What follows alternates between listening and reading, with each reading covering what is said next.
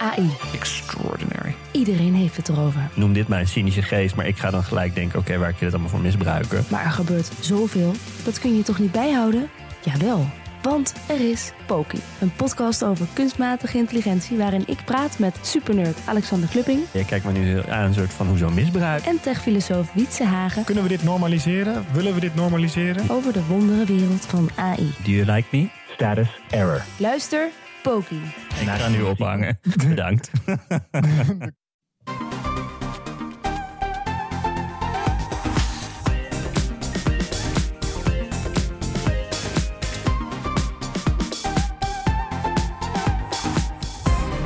Welkom bij de Bright Podcast van woensdag 4 mei met de trending topics in tech van deze week. Mijn naam is Floris en bij mij aan tafel zit Tony. Hoi. Vandaag zijn we met z'n tweeën, de rest heeft allemaal meivakantie. We praten hier vandaag bij over de grote stappen die Europa begint te nemen tegen de grote techbedrijven. Maar Europa komt zelf ook met eh, eigen technische stappen. Wat moeten we daarvan denken?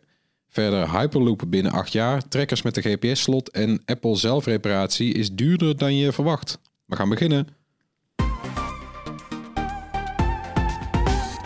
Ja, we hebben de afgelopen tijd hebben we het al vaker gehad over eh, Europa dat Big Tech aanpakt. De afgelopen weken hebben ze ook weer flink gas gegeven. Hè? Ja, dit houdt niet op. Eh, Ja. Wat komt er allemaal eh, uit Brussel? Je zou bijna zeggen dat dat eh, hybride werken heeft geholpen. bij, zeker bij de Europese Commissie zijn ze flink aan het doorpakken met allerlei strengere eh, wetten en regels op het gebied eh, van technologie. Ja. Eh, samen met natuurlijk het Europees Parlement hebben we al gezien dat er twee grote wettenpakketten zijn aangenomen. De DMA en DSA. Hebben we het onlangs in de podcast over gehad. Komt erop neer dat de macht van de grote techbedrijven eh, ja, flink moet worden aangepakt. Eh, en dat kan ook straks hele hoge boetes eh, opleveren, tot wel 10% van de jaaromzet. Dus dat gaat echt over miljarden. Ja. Maar ja, de afgelopen dagen kwamen er nog weer allerlei initiatieven vanuit Brussel. Ehm, ja, zoals bijvoorbeeld het onderzoek tegen Apple.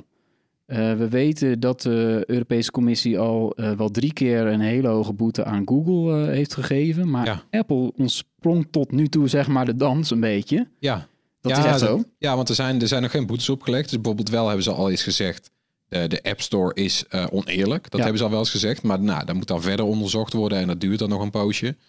Maar hier hebben ze echt ingezoomd op eh, Apple Pay. Apple Pay is nu aan de beurt. Ja, Ja. en dat zat er ook al wel aan te komen. Eh, twee jaar geleden was al duidelijk dat de Europese Commissie onderzoek liet doen naar het eh, ja, gesloten houden van de NFC-chip in iPhones en ook eh, de Apple Watch. Hè? Ja. Eh, zodat zeg maar ehm, alleen Apple Pay daarmee gebruikt kan worden. Terwijl bij Android die NFC-chip door allerlei betaal-apps en banken-apps en dergelijke betaald, dat je kan betalen in winkels en dergelijke, dat je zelf kiest wat je gebruikt. Bij Apple kan dat niet. Nee. Ja, dat klopt. Je bent eh, verplicht om Apple Pay te gebruiken, waarbij vervolgens eh, de bank ook nog een soort commissie per betaling moet afdragen Ja. aan Apple. En geloof me, alle banken ondersteunen het zo onderhand, want ze weten gewoon dat mensen dat heel graag willen gebruiken omdat het goed werkt. Werkt super.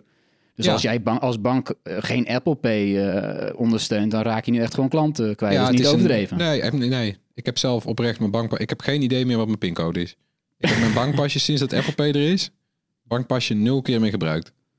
Ja, de grappige is dat ik dat dus niet doe. Hè. Ik, ik- in de winkel, ik, ik heb nog eigenlijk nog, misschien nog maar een paar keer mijn iPhone gebruikt als ik mijn portemonnee niet bij me had. Maar anders Oh, gebruik ik ja. nog altijd het pasje. Ik weet ook niet wat het is. Ik vind het, ja. Ik heb mijn portemonnee ook niet bij me. Nee, precies. Bij Nee. jou is het andersom. Ja. Nee, het is, het is een fantastisch systeem. Ja.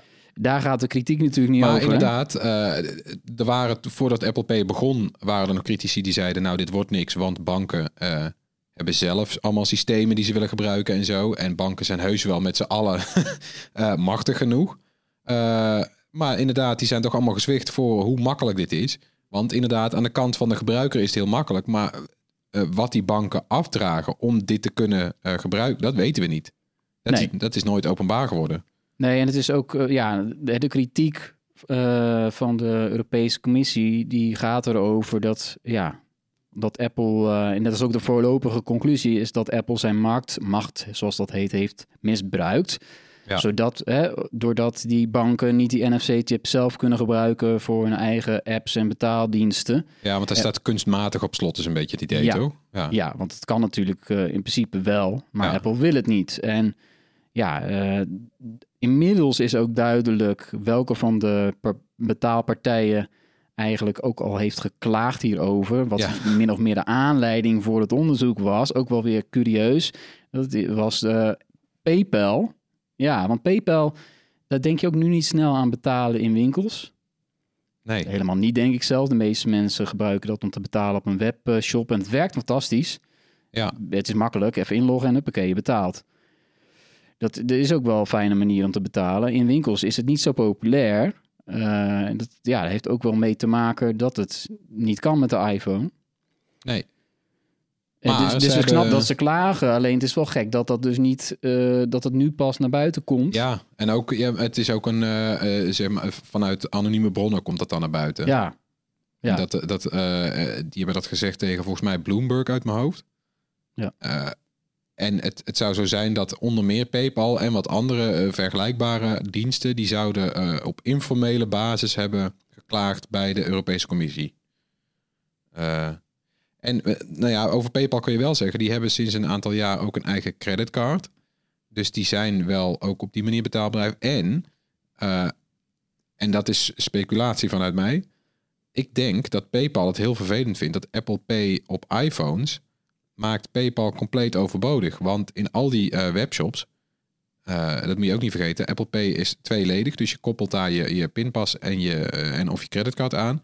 Dan kun je je iPhone of je watch in winkels gebruiken om te betalen contactloos. Maar je kan ook een soort van Ja. one-click checkout doen. Op de, in de webshops en apps. Ja, Met name in apps is dat natuurlijk goed. fantastisch. Kan ja, grappig. nonnen. Dat doe ik dus nooit. Als ik iets bestel van bepaalde bedrag, dan is het altijd via de, dan ga ik altijd naar de browser. Ik koop nooit iets op mijn telefoon in zo'n Ja. app. Nee, maar in de browser- in de browser ja. kan het Ja, ook. dat weet ik. Maar dan, dan kies ik toch ook vaak voor of Ideal of PayPal. Ja, want het fijne Nee, is, je hoeft dus geen, goed, je ja. hoeft geen account aan te maken. Je hoeft geen eh, eh, pincodes meer in te voeren. Het is echt gewoon, oh, hier is een trui. Ik wil die trui. Eh, dan ga ik er naartoe, kies je de maat. Apple Pay, boom. Dan heeft hij je adres, je betaalgegevens. Het enige wat je hoeft te doen is even je gezicht scannen en dan ben je klaar. Het is, gaat Nee, zo ja, snel. Het is overduidelijk dat PayPal hier last van heeft. Ja. En eh, ja, banken misschien in mindere zin. Eh, daar hoeven we ook helemaal geen medelijden mee te hebben met banken, hè? denk ik in dit geval. Maar, In dit geval niet per se. maar ja, het is, ja, dit soort zaken, daar gelden echt wel strenge regels voor. Mededingingsregels, die zijn er nu eenmaal. En het, eh, het ziet er wel naar uit dat... Dat kan wel zo zijn dat Apple echt een hele grote boete gaat krijgen. Ja, en ze maken dit heel ingewikkeld eigenlijk. Maar het komt, als ik het moet vertalen, dan is het eh, eh, dat hele NFC-gebeuren van Apple. Ze hebben de NFC-chip eigenlijk gezegd, eh, alles wat je, daarmee wat, je, wat je daarmee doet, loopt via de Apple Wallet. Ja. En als ik mezelf als voorbeeld neem, ik ben dus al zover dat ik mijn eigen portemonnee thuis laat. En dat mijn tussen aanhalingstekens portemonnee is in beheer van Apple. Ja. En ik heb geen alternatief. En daar heb ik wel zelf voor gekozen. En ik zeg nu ook dat ik het supergoed vind werken. Maar dat is toch een beetje... Je zou dus ook andere Dat is niet wallet, gezond. wallet apps moeten hebben. Bijvoorbeeld de. Rabo wallet of eh, ja, En- precies. Eh, misschien werkt dat dan minder lekker dan Apple. Weet je, Apple eh, werkt altijd lekker. Maar dan, dan heb je tenminste de keus. Dan heb je iets om op terug te vallen. Het is heel gek inderdaad dat straks... Ja, nu is eigenlijk de enige keus als je dit, als je, als je iets anders wil gebruiken dan Apple Pay, dan moet je een Android telefoon kopen. Ja. ja, nou ja, nee, het en komt op, erop neer, ja, toch? en op Android heb je nog de keuze. Eh, daar heb je namelijk ook eh, banken zelf. En die gebruiken die NFC-chip. Zijn Ja. ze op, op zich ook een tijdje... Daar zijn ze mee gestopt, hè? Sommige banken op Android. Omdat zo weinig mensen dat gebruikten. ABN, ja, die was daarmee Ja, gestopt. hè? want daar zaten klopt, allemaal haken en ogen aan. Andere banken gebruiken het nog wel hoor. Eh, ook internationaal wordt het best wel veel Maar op, gebruikt. eh, op, op, op Android heb je ook Google Pay. En Google Pay is volledig vergelijkbaar met Apple Pay. Zelfde voordelen. Ja. En dus ook heeft Google Pay voordelen ten opzichte van eh, als banken de NFC-chip zelf gebruiken. Maar dan heb je alsnog ook weer keuze. Ja. Dus wat dat betreft snap ik. Eh, en ook omdat het gaat nu groeien. Die wallet, er zitten nu alleen maar bankpasjes in. Maar eh, in de VS is Apple al begonnen met het openstellen van die wallet voor identiteitsbewijzen en rijbewijzen. Dus die fiets je erin. Ehm, je kan ook je OV erin doen. OV, straks. ja, ik zou het fantastisch vinden als je met de iPhone gewoon kan inchecken. Tuurlijk. Over chipkaart daaraan kan koppelen. Eh, kan nu hotel, niet. hotelsleutels komen erin. Dus zeg nou ja, letterlijk Deuren alles. openen, ja. alles wat je nu, autosleutels ook straks, autosleutels uitlenen. Al die dingen, die stop je eh, straks in je Apple Wallet. Maar dat wordt daar dan wel een waardevol portemonneetje mee. Ja, en de EU zelf zullen we het straks ook nog hebben. Die willen ook een wallet. en Ja. een digitale identiteit. En eigenlijk misschien op de achtergrond speelt dat ook nog wel mee. Dat, Ja. was, dat moet straks natuurlijk ook gewoon werken op de iPhone. Met die NFC-chip ook, desnoods. Dus ja, wie weet. eh, er komt nu een nader onderzoek nog. Die zou zeggen, na twee jaar moet je eigenlijk de conclusies wel hebben. Maar goed, Ja. er komt nog een nader onderzoek om alles nog een keer te bevestigen. Dan kan de boete dus 10% van de jaaromzet van Apple zijn. Nou, dat is gigantisch bij Apple. Dus echt, eh, dat kan wel 35 miljard euro worden. Ja. Maar dat is, de, dat is de stok achter de deur, toch? Eh, of krij- krijgen ze dan eerst nog bijvoorbeeld nog een kans om te zeggen... oké, we draaien dit terug, of is het open? Of is het gewoon, nee, we vinden het sowieso fout, hier 10%. Nee, dat is de maximale wat het kan worden. Ja, Wel- toch? welke berekeningen ze daarop los gaan laten, daar is iedereen heel benieuwd naar. Ja. Want er zijn natuurlijk dus die eerdere gevallen waarbij Google mega boetes kreeg. Ja. Eh, ja, ging dat toch ook wel over 1 miljard, 2,4 miljard een keer rond Ja. Google Shopping. En vervolgens gaan natuurlijk, is Google weer in beroep gegaan. De ene Ja. keer krijgen ze gelijk, de andere keer niet. Maar er staan daar nog wel een aantal miljardenboetes die ze uiteindelijk wel zullen moeten betalen. Ja. Dus het zou zomaar eens kunnen zijn dat Apple toch moet, eh, moet gaan eh, aftikken. Dat ze moeten beloven om de NFC-chip in de iPhone eh, toch open te stellen. Eh, ja, ik, zou- ik zou het prima vinden als het wordt opengesteld, eigenlijk, ja. Ja. Ik weet ook wel dat Apple roept van het is veilig en het is privacy. En ja, dat is ook zo, maar in dit geval wil je ook echt gewoon keuze hebben. Dat, Ja, of een, weet je, ik snap best dat ze een soort van controle willen hebben over wie er dan allemaal in zit, maar je kan het toch wel Ja. iets meer openstellen. ja, ik neem aan dat ze wel heel goed, als het open wordt gesteld, dat er wel echt heel goed wordt onderzocht welke partijen. Oh, ja. En dat je niet zomaar Tuurlijk, dat niet elke halve garen een pasje in Nee. die... Nee. Nee, Zou- je wil niet zeg maar de uitwassen die je bij de, bij de Google Play Store soms ziet. Met malafide apps die echt gewoon slecht gecheckt zijn door Google. Dat Ja. blijft toch vreemd. Dat wil je natuurlijk helemaal niet rond betalen hebben. Dat snap Nee. ik wel. Maar iets meer vrijheid hopelijk, eh, wie weet. Ja. Ja, Nou, en eh, over die verstager gesproken, eh, want daar hadden we het over, die dropte deze week nog zo'n bommetje, ook over de grote techbedrijven. ja zij is goed bezig. Ja. hè? Van alle Ja, eurocommissarissen eh, de afgelopen jaren weet zij wel de aandacht te trekken. Ja. Want ze heeft geroepen dat bedrijven als Google of Netflix, eh, Meta moeten gaan meebetalen aan de Europese telecomnetwerken. dus dat is ook wel weer een mooie. Alsof Ja. ze nog niet genoeg problemen aan hun hoofd hadden eh, met Europa. Hè, daar in Silicon Valley. Dit kwam dit er ook nog bij. Ja, Eh, dus zij laat onderzoeken wat de mogelijkheden zijn om die techbedrijven een soort van ja, vergoeding te laten betalen voor de enorme dataverkeer wat ze natuurlijk genereren en waar zij geld aan verdienen. En de internetproviders, ja, in heel veel gevallen en andere internetbedrijven, die moeten dat zeg maar, ja, eh, die draaien draven op voor de kosten. Eh, nou zijn er vaak wel onderlinge overeenkomsten om dat zo kostenefficiënt mogelijk te doen tussen Ja. providers en bijvoorbeeld een Netflix. Maar het is niet zo dat ze verplicht moeten, kosten moeten gaan eh, afdragen. Zij heeft het plan om dat wel te doen.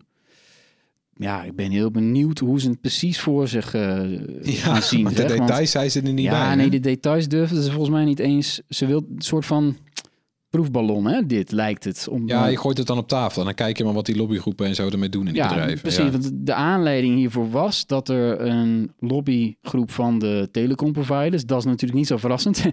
die hadden dus een rapport uitgebracht maandag van ja, ehm, hoeveel zou het nou bijdragen aan ehm, eh, de economie?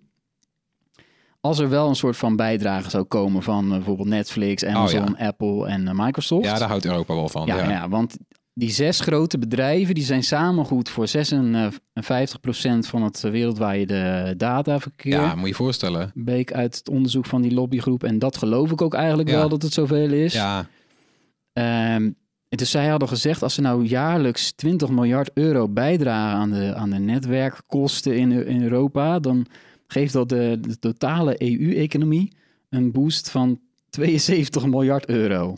dat is wel veel. En eh, 840.000 banen per jaar. Ja, maar ik snap het wel. Ik ben ineens heel Ja. voorstander dat ze Ja. dat geld gaan overdragen. Ja, maar die 20 miljard klinkt ook als veel. Maar als ze het met z'n zesjes doen en eh, voor, voor die bedrijven is dat best een, eh Ja, dit is ook weer een, dit is echt een een, soort van schrik, schrikbeeld hoor. Voor, met name als u een bedrijf als Netflix. eh, ja, Ja, die moeten nou wel in de kosten snijden, wil je Die zeggen. En die mogen straks... Ja, enorm, eh, die hebben namelijk enorme datastromen veroorzaakt Netflix. absoluut, ja. In zijn eentje, net als YouTube in zijn eentje. ja. En een deel van het verdienmodel eh, is wel degelijk dat dat eh, grotendeels ook door die providers eh, wordt betaald. Ja. Dat het eh, dat uiteindelijk dus en uiteindelijk dus door ons, de klant, Ja, hè, via Ja. de rekening van, van je internet. Ja, en, en want Verstager zegt, zulke bedrijven die profiteren wel van de grote beschikbaarheid van internet. Klopt natuurlijk. En van de hoge snelheid. Maar ze betaalden eigenlijk gewoon helemaal niet aan mee.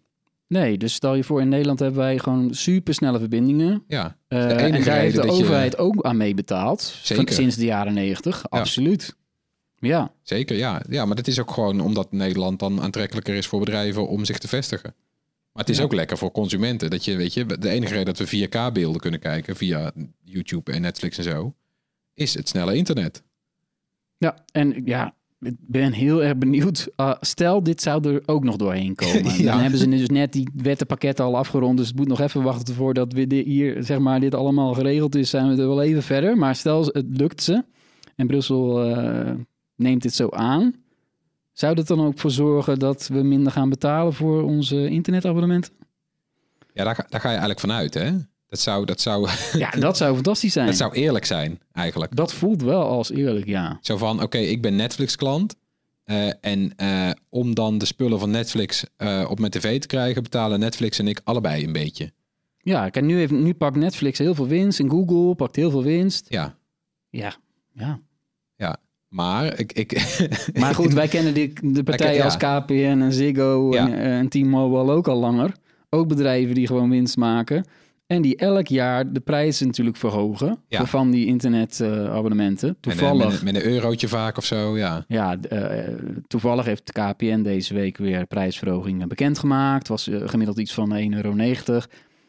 Eh, ja, daar werd natuurlijk bij gezegd van ja, maar die inflatie is eh, veel hoger en, en, Ja. en de, de datakosten zijn hoger, want mensen gebruiken veel meer dataverkeer sinds de coronacrisis.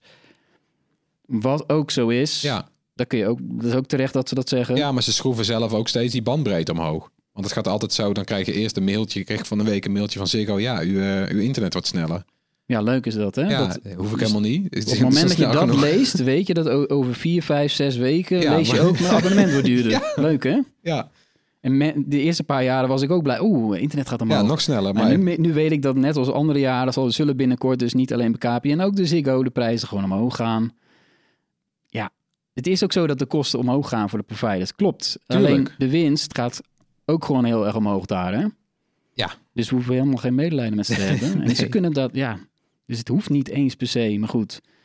Als er echt heel veel hele felle concurrentiestrijd zou zijn, ja, ja, dan zouden ze niet elk jaar eh, zo makkelijk die prijzen durven te verhogen.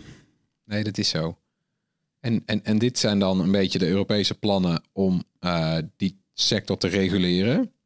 Maar Europa heeft zelf dan ook nog plannen op digitaal gebied. Want ze willen een, een nou ja, daar komt hij weer, een eigen digitale wallet. eh, waar dan je paspoort en rijbewijs onder meer in kan. Ja, en van alles en nog wat. Ja, documenten en eh, Ja. actes.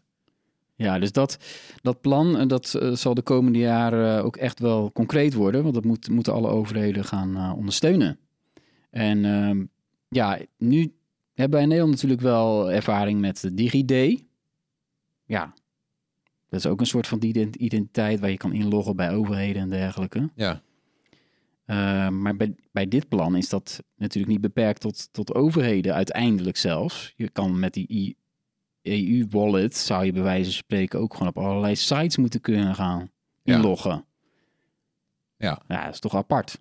Nou ja, het- ik las een van de voordelen bijvoorbeeld is dan, eh zeggen zij, nu moet je bijvoorbeeld vaak een eh, kopie sturen van je rijbewijs naar iemand. En daar heeft eh, bijvoorbeeld Nederland wel een app voor waarmee je kan afschermen welke informatie je dan doorgeeft. Maar heel veel mensen weten het niet, dus die sturen gewoon een on, onbewerkte eh, kopie of screenshot of foto van hun rijbewijs of hun paspoort of zo.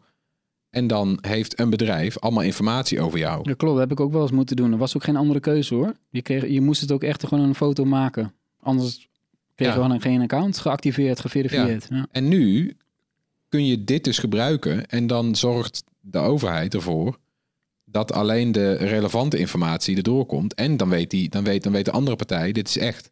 Dit is niet, weet je wel, want je kan nog, ik, je kan makkelijk photoshoppen op mijn eh, foto van mijn rijbewijs. Maar dit is echt eh, geverifieerde informatie. Dus wat dat betreft zit het er wel voor. De, nou, stel je ja, wil dat online, deel van eh, de plannen is misschien ja, nog als je online slecht, nee. drank wil bestellen of zo, dat kan nu ook al, maar dan moet je je nog iets legitimeren aan de deur volgens mij of zo. Het is allemaal gedoe bij. En dan geeft zo'n systeem alleen door van ja, hij is ouder dan 16, zoiets. Of 18, of wat het ook Bijvoorbeeld, is. ja. En zonder dat ze weten wie ik ben Ja. of waar ik vandaan kom. Of nou ja, dat zijn allemaal eh, dat toch handig. Ja, nou ja, de plannen gaan veel, natuurlijk veel verder om er van alles en nog wat aan te koppelen. Dus eh, de Ja. komende jaren gaan we er nog veel van horen, want zo gaat het vaak. Als het systeem er eenmaal is, dan blijft het niet bij de toepassingen die er eerst voor bedoeld zijn. hè? Nee, maar vind je, nou, daarom, vind het handig dat ze dat op deze manier, want ze communiceren het zo vaak dat ik zelf ook denk van moet ik hier nou... eh, Ik vind de communicatie wel best wel slecht, ja. Ja, dus dat, daar zullen we nog eens induiken de komende ja, het is een maanden. beetje voer voor iedereen die zich toch al zorgen maakt om, om Precies. het formaat van Europa. Ja, dat, dat bleek ook uit een, eh, een onderzoek wat Ja. gehouden is onder Nederlanders naar die, eh, die digitale wallet van de EU. Ehm, ja, de meerderheid vreest voor eh, privacy en eh, dat snap ik ook wel. Eh, ja, dat is met al dit, soort- dit soort zaken natuurlijk. Maar ja, je ziet, eh, je ziet wel dat, dat er wel wat verschillen zijn tussen de, groepen Nederlanders. Jongere Nederlanders vinden zo'n digitale portemonnee zien ze wel zitten. Vooral ook als ze daardoor meer ja, bewegingsvrijheid in de EU krijgen of dingen makkelijker te regelen zijn. Ja. Dus eh, onder de jonge Nederlanders eh, is zelfs iets meer dan 50% eh voorstander dat dit er komt. Ja, maar vooralsnog zeiden ze er ook bij. En, en uit het onderzoek bleek, de meeste Nederlanders zijn ook gewoon niet goed op de hoogte over deze plannen. En een cruciaal punt is dat vooralsnog is het niet verplicht ook of zo. Het is gewoon een handigheidje. En als het handig is, dan, nou ja, dat is ook veel waard. Ja, nee, ja, zoiets als DigiD vind ik, ja, is niet eh, onhandig hoor. Dat is wel handig. Nou ja, moet je moet je voorstellen dat je voor al die wisselwasjes weer naar het gemeentehuis moet. Nee, ja, precies. Ja, gaan we door met het hoorspel waarin we elke week een techgeluid laten horen. Dit was het geluid van de afgelopen twee weken.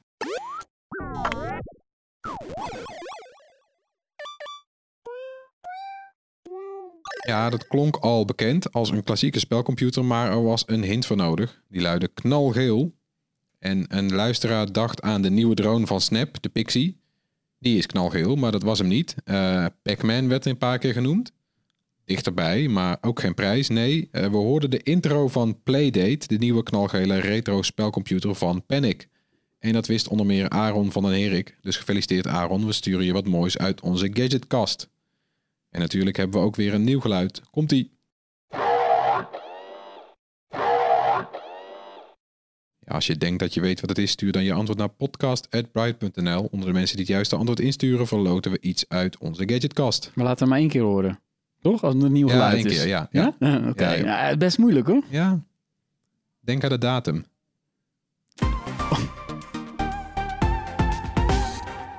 Dan tijd voor een rondje kort nieuws. Nederlandse bedrijf Hard Hyperloop, met DT, eh, verwacht dat er in 2030 een commerciële Hyperloop in Europa zal zijn. De Delftse start-up wil in 2027 alle veiligheidstests hebben afgerond eh, met het supersnelle transportsysteem. En een Hyperloop is zoals we weten een magneetzweeftrein meestal, die door een vacuümbuis rijdt. En omdat er geen luchtweerstand is, kan die tot meer dan 1000 km per uur. Eh, en dat moet de Hyperloop een aantrekkelijk alternatief maken voor het vliegtuig, zeker op de korte tot middellange afstand. En Hard Hyperloop ver- verhuist binnenkort eh, van Delft naar Rotterdam. En het werkt mee aan een testbaan in Veendam. En later moet er ook een groot, eh, later dit jaar moet er een groot eh, testcentrum in het Groningse Meerstad worden geopend. En in 2027 wil Hart dan alle veiligheidstests hebben doorlopen, zodat ze in 2030 eh, een eerste werkende Hyperloop hebben. Ja, en weer een update over de, de Hyperloop. Ja. Want de afgelopen jaren ging het eigenlijk niet zo hard. Geen woordgrap in dit geval.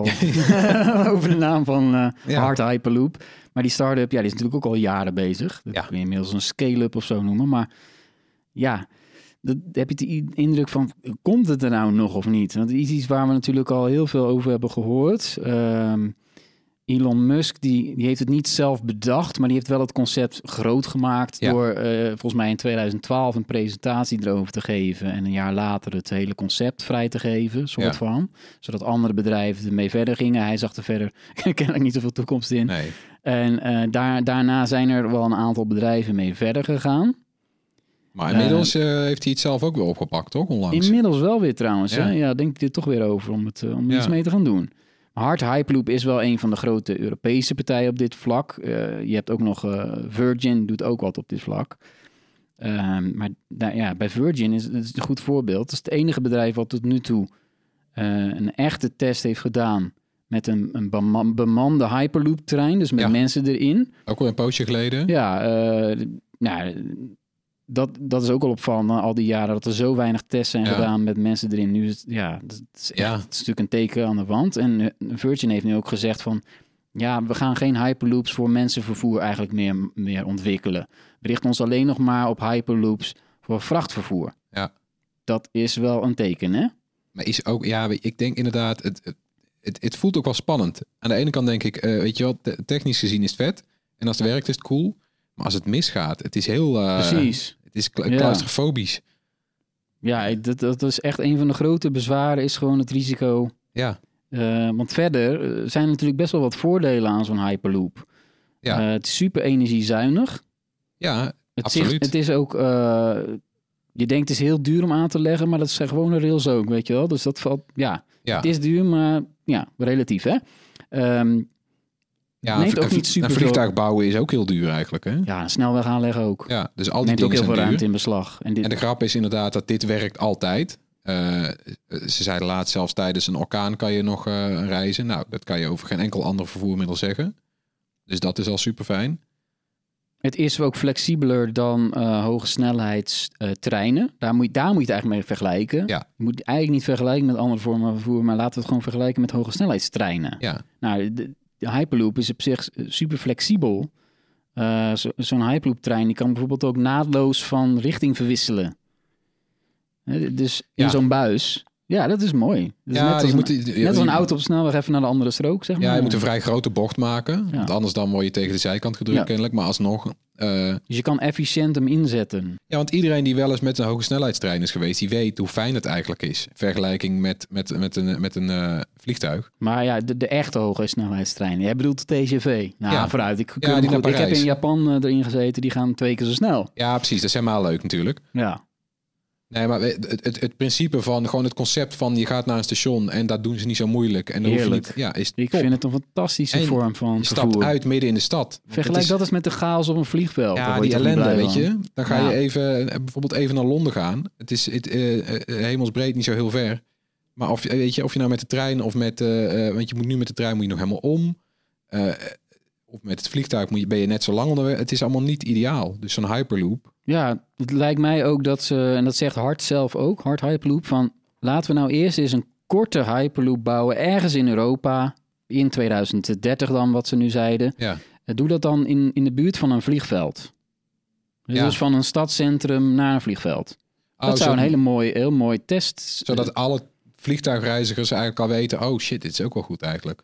Ja, Ja. want da daar gaat het ook vaak mis. We hebben allemaal Ja. wel eens een keer in een trein gezeten... Naar, dat, je, dat je een vliegtuig moest halen in de buurt van Londen. Nou, Ja. al die de vliegvelden liggen best wel ver uit het centrum. Ja. Het centrum is een drama qua vervoer. Ja, dus wat voor je, vervoersmiddel je ook moet kiest. je gaan gokken. Dan moet je daar eh, op, op Victoria Station een of andere overstap- trein nemen. ja, van, van de tube naar de gewone trein. En oh man, man, man. En die kost best wel veel geld, ook die gewone trein. En dus eh, ik hoop... Ja. Nee, dus er, er- is ook best wel interesse eh, in Europa, eh, in allerlei regio's. Er zijn 50 verschillende steden en regio's die hebben samen gezegd van... we zijn eigenlijk voorstander van een, van een Europees Hyperloop-netwerk. Eventjes niet denken aan de kosten daarvan, maar Ja, Stel, het zou gebouwd kunnen worden. Nou, er zijn al heel veel in- regio's die hebben daar interesse in. Onder andere Rotterdam, Groningen, ja. Vlaanderen, Berlijn. Ja, dus het is niet zo dat, dat, er dat er geen interesse meer in is, omdat het allemaal zo lang duurt. En nee, misschien want, ja, maar stel je voor, weet je, we weten eh, harder dan 1000 km per uur. Dan heb je praktisch gezien, ben je in een halve dag overal in Europa. Dat is natuurlijk voor de Europese samenhang en zo, en voor de eenheid, fantastisch. Ja, nee, dus nou ja, goed, of ze die snelheden gaan halen, daar zijn ze in de praktijktest nog helemaal niet. Nee, die zijn Dus op de helft. eh, hè? die, die test van Virgin met een bemande Hyperloop, die haalde 172 km per uur. Nou, not bad, zou ik zeggen.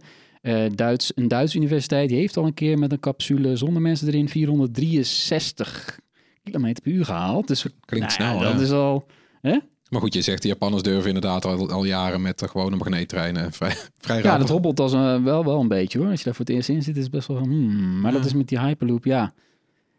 Wie weet, het, het, het zou wel mooi zijn, zei, de- zei Hard Hyperloop ook, als, ehm, ja, als Nederland, eh, als die Nederland, als Nederlandse start-up het, het lukt Ja. om een van de eerste te bouwen. Ja.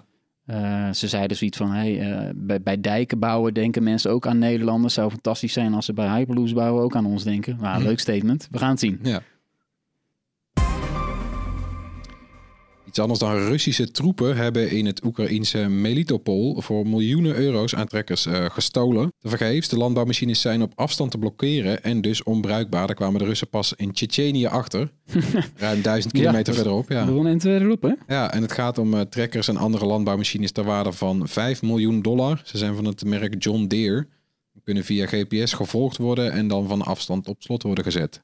Ja, dat wisten ze dus niet. Eh, Nee. eh, ongelooflijk eigenlijk dat ze dat niet wisten. Want dat was al wel eh, in het nieuws geweest. Specifiek John Deere. Ja.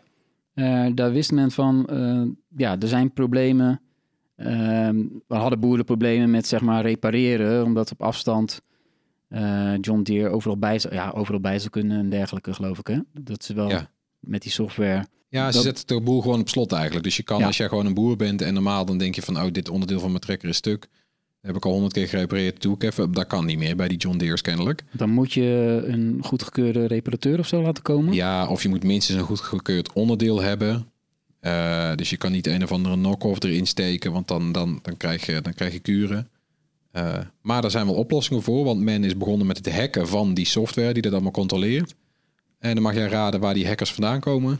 Ja, de Oekraïne, Ja. dat zijn de tracker-hackers. Ja, trekkerhackers uit. Oekraïne. Maar goed, ik vraag me af of, de Russen aan die juiste gehackte software kunnen komen nu. Maar het is natuurlijk een fantastisch eh, verhaal. eh, Ja. dat, je ziet het voor je naar, naar, zo, naar duizend kilometer rijden en dan kun je er nog niks mee. Ja, het is ook extra mooi omdat natuurlijk aan het begin van deze strijd had je dat, eh, dat beeld van die, eh, van die boer in een, in een trekker die dan met een Russische tank aan de haal was gegaan. Of een Ja. ander, ja, ja. een of ander oorlogsvoertuig. Ja, mooi. Ja, en over eh, reparaties en onderdelen gesproken. Apple is in de VS eindelijk begonnen met zijn reparatieprogramma. Jarenlang kon je als externe reparateur of als gewone consument geen onderdelen of gereedschap van Apple krijgen. Eh, Daarvoor moest je gecertificeerd zijn. Nu kan iedereen bij Apple officiële onderdelen bestellen, zoals batterijen en beeldschermen. In eerste instantie voor de iPhone 12, 13 en de nieuwste SE. Eh, zelf repareren is wel nauwelijks goedkoper dan bij Apple of een officiële reparateur. En Apple verwacht dan ook dat de grote meerderheid eh, dit toch niet zelf gaat doen. Maar ja, Nee, dat, ja, dat denk, ik- denk ik ook niet. Eh, nee. Zo'n zo'n reparatieset huren, dat kost 50 dollar. Ja, Ja, wat zit er dan in zo'n set? Bijvoorbeeld een... eh, ik had er helemaal niet over nagedacht. Want ik heb vroeger ook wel eens een iPhone gerepareerd... voordat ze waterdicht waren. echt waar joh? Ja, ja gewoon een batterijtje vervangen of zo. Dus niet zo Ja, heel... oké. eh, Niet, niet iets heel spannends. nee, de- nee, maar je voor- moet wel de juiste schroef, schroevendraaiers en dergelijke Ja, hebben. maar dat is volgens mij gewoon van die torx schroevendraadjes. Oh, ja. Dan schroef je hem open en dan, dan, dan klik je één zo'n eh zo'n lintverbindingje los. En het is nu nog wel zo. Maar dan, dan moet je wel... de- eh, hij is verzegeld. Dus de- Ja. alles zit onder het beeldscherm eigenlijk. En het beeldscherm is verzegeld. Op, of vastgedrukt op een bepaalde manier met zo'n rubber randje. Omdat anders dan is hij niet meer waterdicht. En dat moet je dus weer eh, zelf dan terugdrukken met een soort van pers zodat je even, even, evenredige druk op het hele scherm uitoefent. En dan, dan plopt die terug. En dat lijkt mij toch wel heel spannend. Ja, veel te spannend voor de meeste mensen natuurlijk. het onderdeel gaat niet om, van, de- eh, om het geld eigenlijk meer. Het is gewoon Nee. veel te veel gedoe. Nee, dus dit is. Maar het is wel goed nieuws. Dus vooral voor die externe reparateurs. Weet je wel, de, de telefoonwinkel op de hoek. Want als je daar nu naartoe ging met je iPhone, dan konden ze hem op zich wel voor een goede prijs repareren. Maar dan was het met een onofficieel onderdeel. En met de batterij is dat meestal niet zo erg. Maar eh, met een beeldscherm is het gewoon een, een lelijk beeldscherm. Dus wat dat betreft is dit eh, wel heel fijn. Het was ook geen, eh, geen kleine set die ze dan opsturen naar je. Nee. Het is geloof ik iets van 36 kilo. Ja, twee grote koffers. krijgt Ja. en die moet je weer terugsturen. Ook, Ja, natuurlijk. Amerikanen klaagden al dat, ze, dat, dat Apple dan een hele hoge eh, reservering op je creditcard zet. Maar dat is natuurlijk vast de, boel- als de boel kapot gaat. Zo gaat het nou eenmaal. Ach, ook nog, ja. Ja, is ook als je auto huurt Ja, natuurlijk. dus de- het nieuws van eh, zelf repareren van iPhones wordt makkelijk. Nou, nou ja. Het wordt mogelijk. Het wordt mogelijk, Ja, maar... En dat gaan ze waarschijnlijk... Ja, Apple loopt nu een keer voor op de wet. Want eh, in de VS en in Europa wordt er gekeken om dat wettelijk verplicht te maken. Dat je gewoon als consument en als externe of zo, weet je, dat je dit moet kunnen doen. Bijvoorbeeld ook met het oog op elektrische auto's. Dat je niet straks eh, met, met, je, met, met je Tesla alleen bij een Tesla-reparateur langs kan, maar dat het overal eh, moet kunnen tot op zekere hoogte. Ja, dat is ook wel goed eigenlijk, toch? Ja, nou ja, ze voldoen er nu alvast mee eh, aan een wet die eraan komt of zo dan, hè? Dat Ja, ik. precies. Dus, eh, Ja. ja, het is goed dat het kan. Ja, of je het wil is een tweede. Ja, ik wil het niet zelf, hoor. Nee. Ter afsluiting hebben we nog wat fijne tips voor je. Alle links staan in de show notes. Die vind je onder meer op bright.nl. Tony, Ja, mijn tip is eh, een van onze video's van deze week, eh, waarin Erwin allerlei tips geeft over verborgen functies van iOS. En dat blijft toch altijd wel weer eh, fijn om naar te kijken. Ik kreeg ook heel veel kijkers op. ja, En zo, zo heb je toch nog Erwin. hè, dus Ja. je hoeft hem niet te missen Nee, deze week. precies. Als je hem deze video is, is niet alleen handig, maar dan krijg je ook je dosis Erwin. Wat ik zelf een van de leuke tips vond eh, bij die verborgen functies eh, op de iPhone, is dat je dus kan instellen dat automatisch als je op een bepaalde locatie bent, dat de iPhone dan naar de niet-storen modus gaat. ja, En dat klinkt ingewikkeld, maar eigenlijk als je dat een keer ziet, dan moet je ook een keer voor je zien. Ik wist wel een beetje nog dat dat kan, maar ik was eigenlijk alweer vergeten hoe, hoe, hoe makkelijk je dat kan instellen. ja. Heel, En het kan natuurlijk, komt natuurlijk heel veel mensen van pas. eh, als je in een bioscoop zit of, ja, weet ik veel, sportclub, de kerk, het ziekenhuis. Er zijn heel veel locaties waar je eigenlijk standaard niet wil dat je iPhone eh, geluiden maakt, toch? Nee, bijvoorbeeld de sportschool inderdaad. Als je Ja. bij de sportschool, ik, ja, als je gewoon je iPhone in je, in je kluisje legt, dan wil je liever niet dat je dat kluisje hoort rinkelen of zo. Want als er dan iemand met kwade bedoelingen is, dan weet hij precies welk kluisje die moet hebben. Ja, en dat kan je best wel makkelijk met een paar kliks uh, instellen. Ja. En uh, ja, een collega die zei meteen... ja, maar wat nou als ik uh, langs de bioscoop uh, loop op straat in de binnenstad? Ja. En dan gaat mijn telefoon niet meer over. Als het goed is, als je een eentje verder bent gelopen... Ja. stel je loopt er vlak langs, kan die misschien even op de Niestore springen... maar als het goed is moet hij ook weer meteen weer ja, je uitzetten als je, je daar kan, je kan dus zelf instellen van wat wil ik dat er gebeurt op die plek. Wil ik dan dat die op niet storen gaat tot de volgende ochtend of een uur of tot ik die plek verlaat. Dat kan je ook weer allemaal Precies, dus dan kiezen. heb je die, die laatste optie. Nou, Ja. dat was één van de tien superleuke fu- functies van iOS. eh opfrissers. Kijk die video, zou ik zeggen. Want we hebben er nog Zeker. negen. Eh, over video's van Bright gesproken. Eh, we zoeken nog twee video-stagiairs voor deze zomer. Ja, dat is altijd een lastige periode natuurlijk. Ja. Maar ja, dit is wel je kans. Als je luistert en je maakt video's... eh, ja, kijk eventjes naar de links in de show notes. Want we hebben dus twee vacatures voor videomakers. Ja, leuk. Ja. Doe dat vooral. We zetten ze inderdaad in de show notes. En wie weet ben jij dan wel de, degene die een video uh, monteert uh, voor ons die uh, honderdduizenden views haalt. Het kan zomaar gebeuren.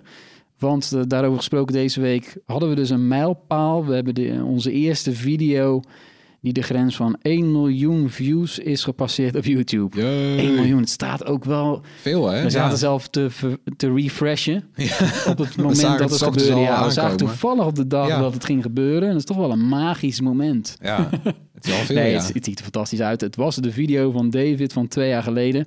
waarin hij uitleg geeft over eh, e-bikes. hè, De verschillen tussen elektrische fietsen. ja. Blijft ook goed en En relevant. Echt een video die, eh, die nog steeds actueel is. Ja. Eh, en die heeft gewoon 1 miljoen views. Dat is Ja, ja, goed, hè? fantastisch eigenlijk. Ja, ja, gewoon een hele goede video. En ik heb als tip ook een, eh, een podcast, heb ik. Een gratis podcast, een nieuwe podcast. eh, een geanimeerd gesprek. Het is een eh, Nederlandse podcast over anime. Je weet wel, Japanse tekenfilms. Ja, daar hou je van, hè? Ja. Maar niet zoveel als vrienden van mij, want die maken deze podcast. En dat zijn allemaal fanatieke anime-kijkers.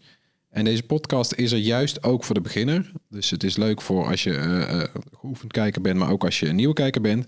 Want waar moet je bijvoorbeeld beginnen in een genre zoals dit, waar eh, sommige series al tien jaar lopen met duizend afleveringen? Ja, waar, moet je dan instappen? Wat zijn die, die? Je hebt misschien wel eens gehoord dat er filler afleveringen zijn. Wat moet je daarmee? Slaat het? Nou ja, al die, al die, al die dingetjes, al die culturele kneepjes aan het, aan, aan het anime-genre, die, die komen voorbij. Ik vind het, de naam is al echt weer dat is Goed, belangrijk hè, bij een podcast. Ja, dat je een beetje hè? catchy naam hebt. Een geanimeerd gesprek. Ja, Ja, goed, hè? Ja, nee, dat is belangrijk. Ja. Dat is goed gedaan, toch? Ja. En dat kan je gewoon eh, tegenwoordig ook nog gewoon gratis eh, Ja, het is beluisteren. gewoon Dus het gratis, staat niet op Podimo. Nee, nee, is gewoon gratis. Leuk hè? Oh, ja. heel leuk. Ja. En bedankt weer voor het luisteren. Laat gerust iets van je horen. Mail naar podcast.byte.nl. Zoek ons op op YouTube, Facebook, Instagram, Twitter, TikTok en Discord. Tot volgende week. Joep.